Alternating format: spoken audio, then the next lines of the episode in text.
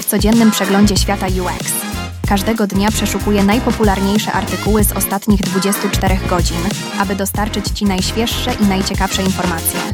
Przygotuj się na krótkie, ale treściwe podsumowanie najnowszych trendów i innowacji w User Experience. Gotowi? Zaczynamy! Dzisiaj, 27 stycznia, zapraszam Was na kolejną odsłonę UX Shortcast. John Upshaw napisał artykuł pod tytułem Dlaczego nowy przypinany AI będzie koszmarem użytkowania, w którym krytykuje nowe gadget tech o nazwie AI Pin.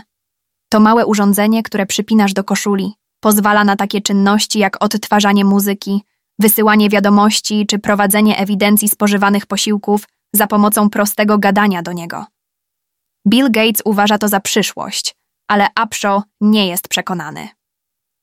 Jednym z głównych problemów jest światło beacon, które ma za zadanie informować o powiadomieniach.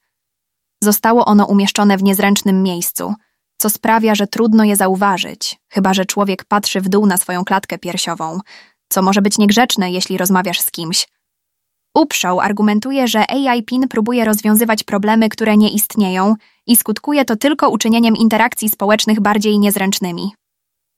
W artykule Nauka ustalania priorytetów Analiza produktu za pomocą modelu Kano autorstwa Takumy Kakehi dostajemy podręcznik Jak upewnić się, że tworzymy produkty, które ludzie naprawdę polubią.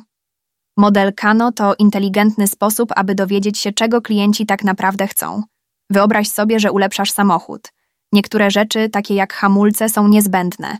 To twoje podstawowe potrzeby. Potem masz coś takiego jak moc silnika, gdzie zwykle im więcej, tym lepiej, to wzrostowe potrzeby. I kto nie kocha niespodziewanego szyberdachu? To są Twoje inspirowane funkcje.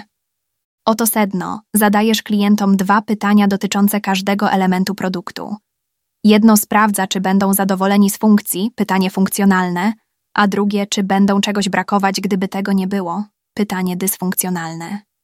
Następnie sortujesz ich odpowiedzi według tych kategorii, niezbędności, miłych dodatków itd. Tak to pomaga Ci wiedzieć, na czym się skupić, aby nie marnować czasu na rzeczy, na które ludzie nie zwracają uwagi.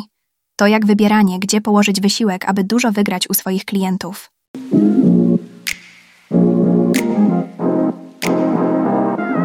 Dziękuję za wysłuchanie i zapraszam na kolejną dawkę wiedzy już jutro.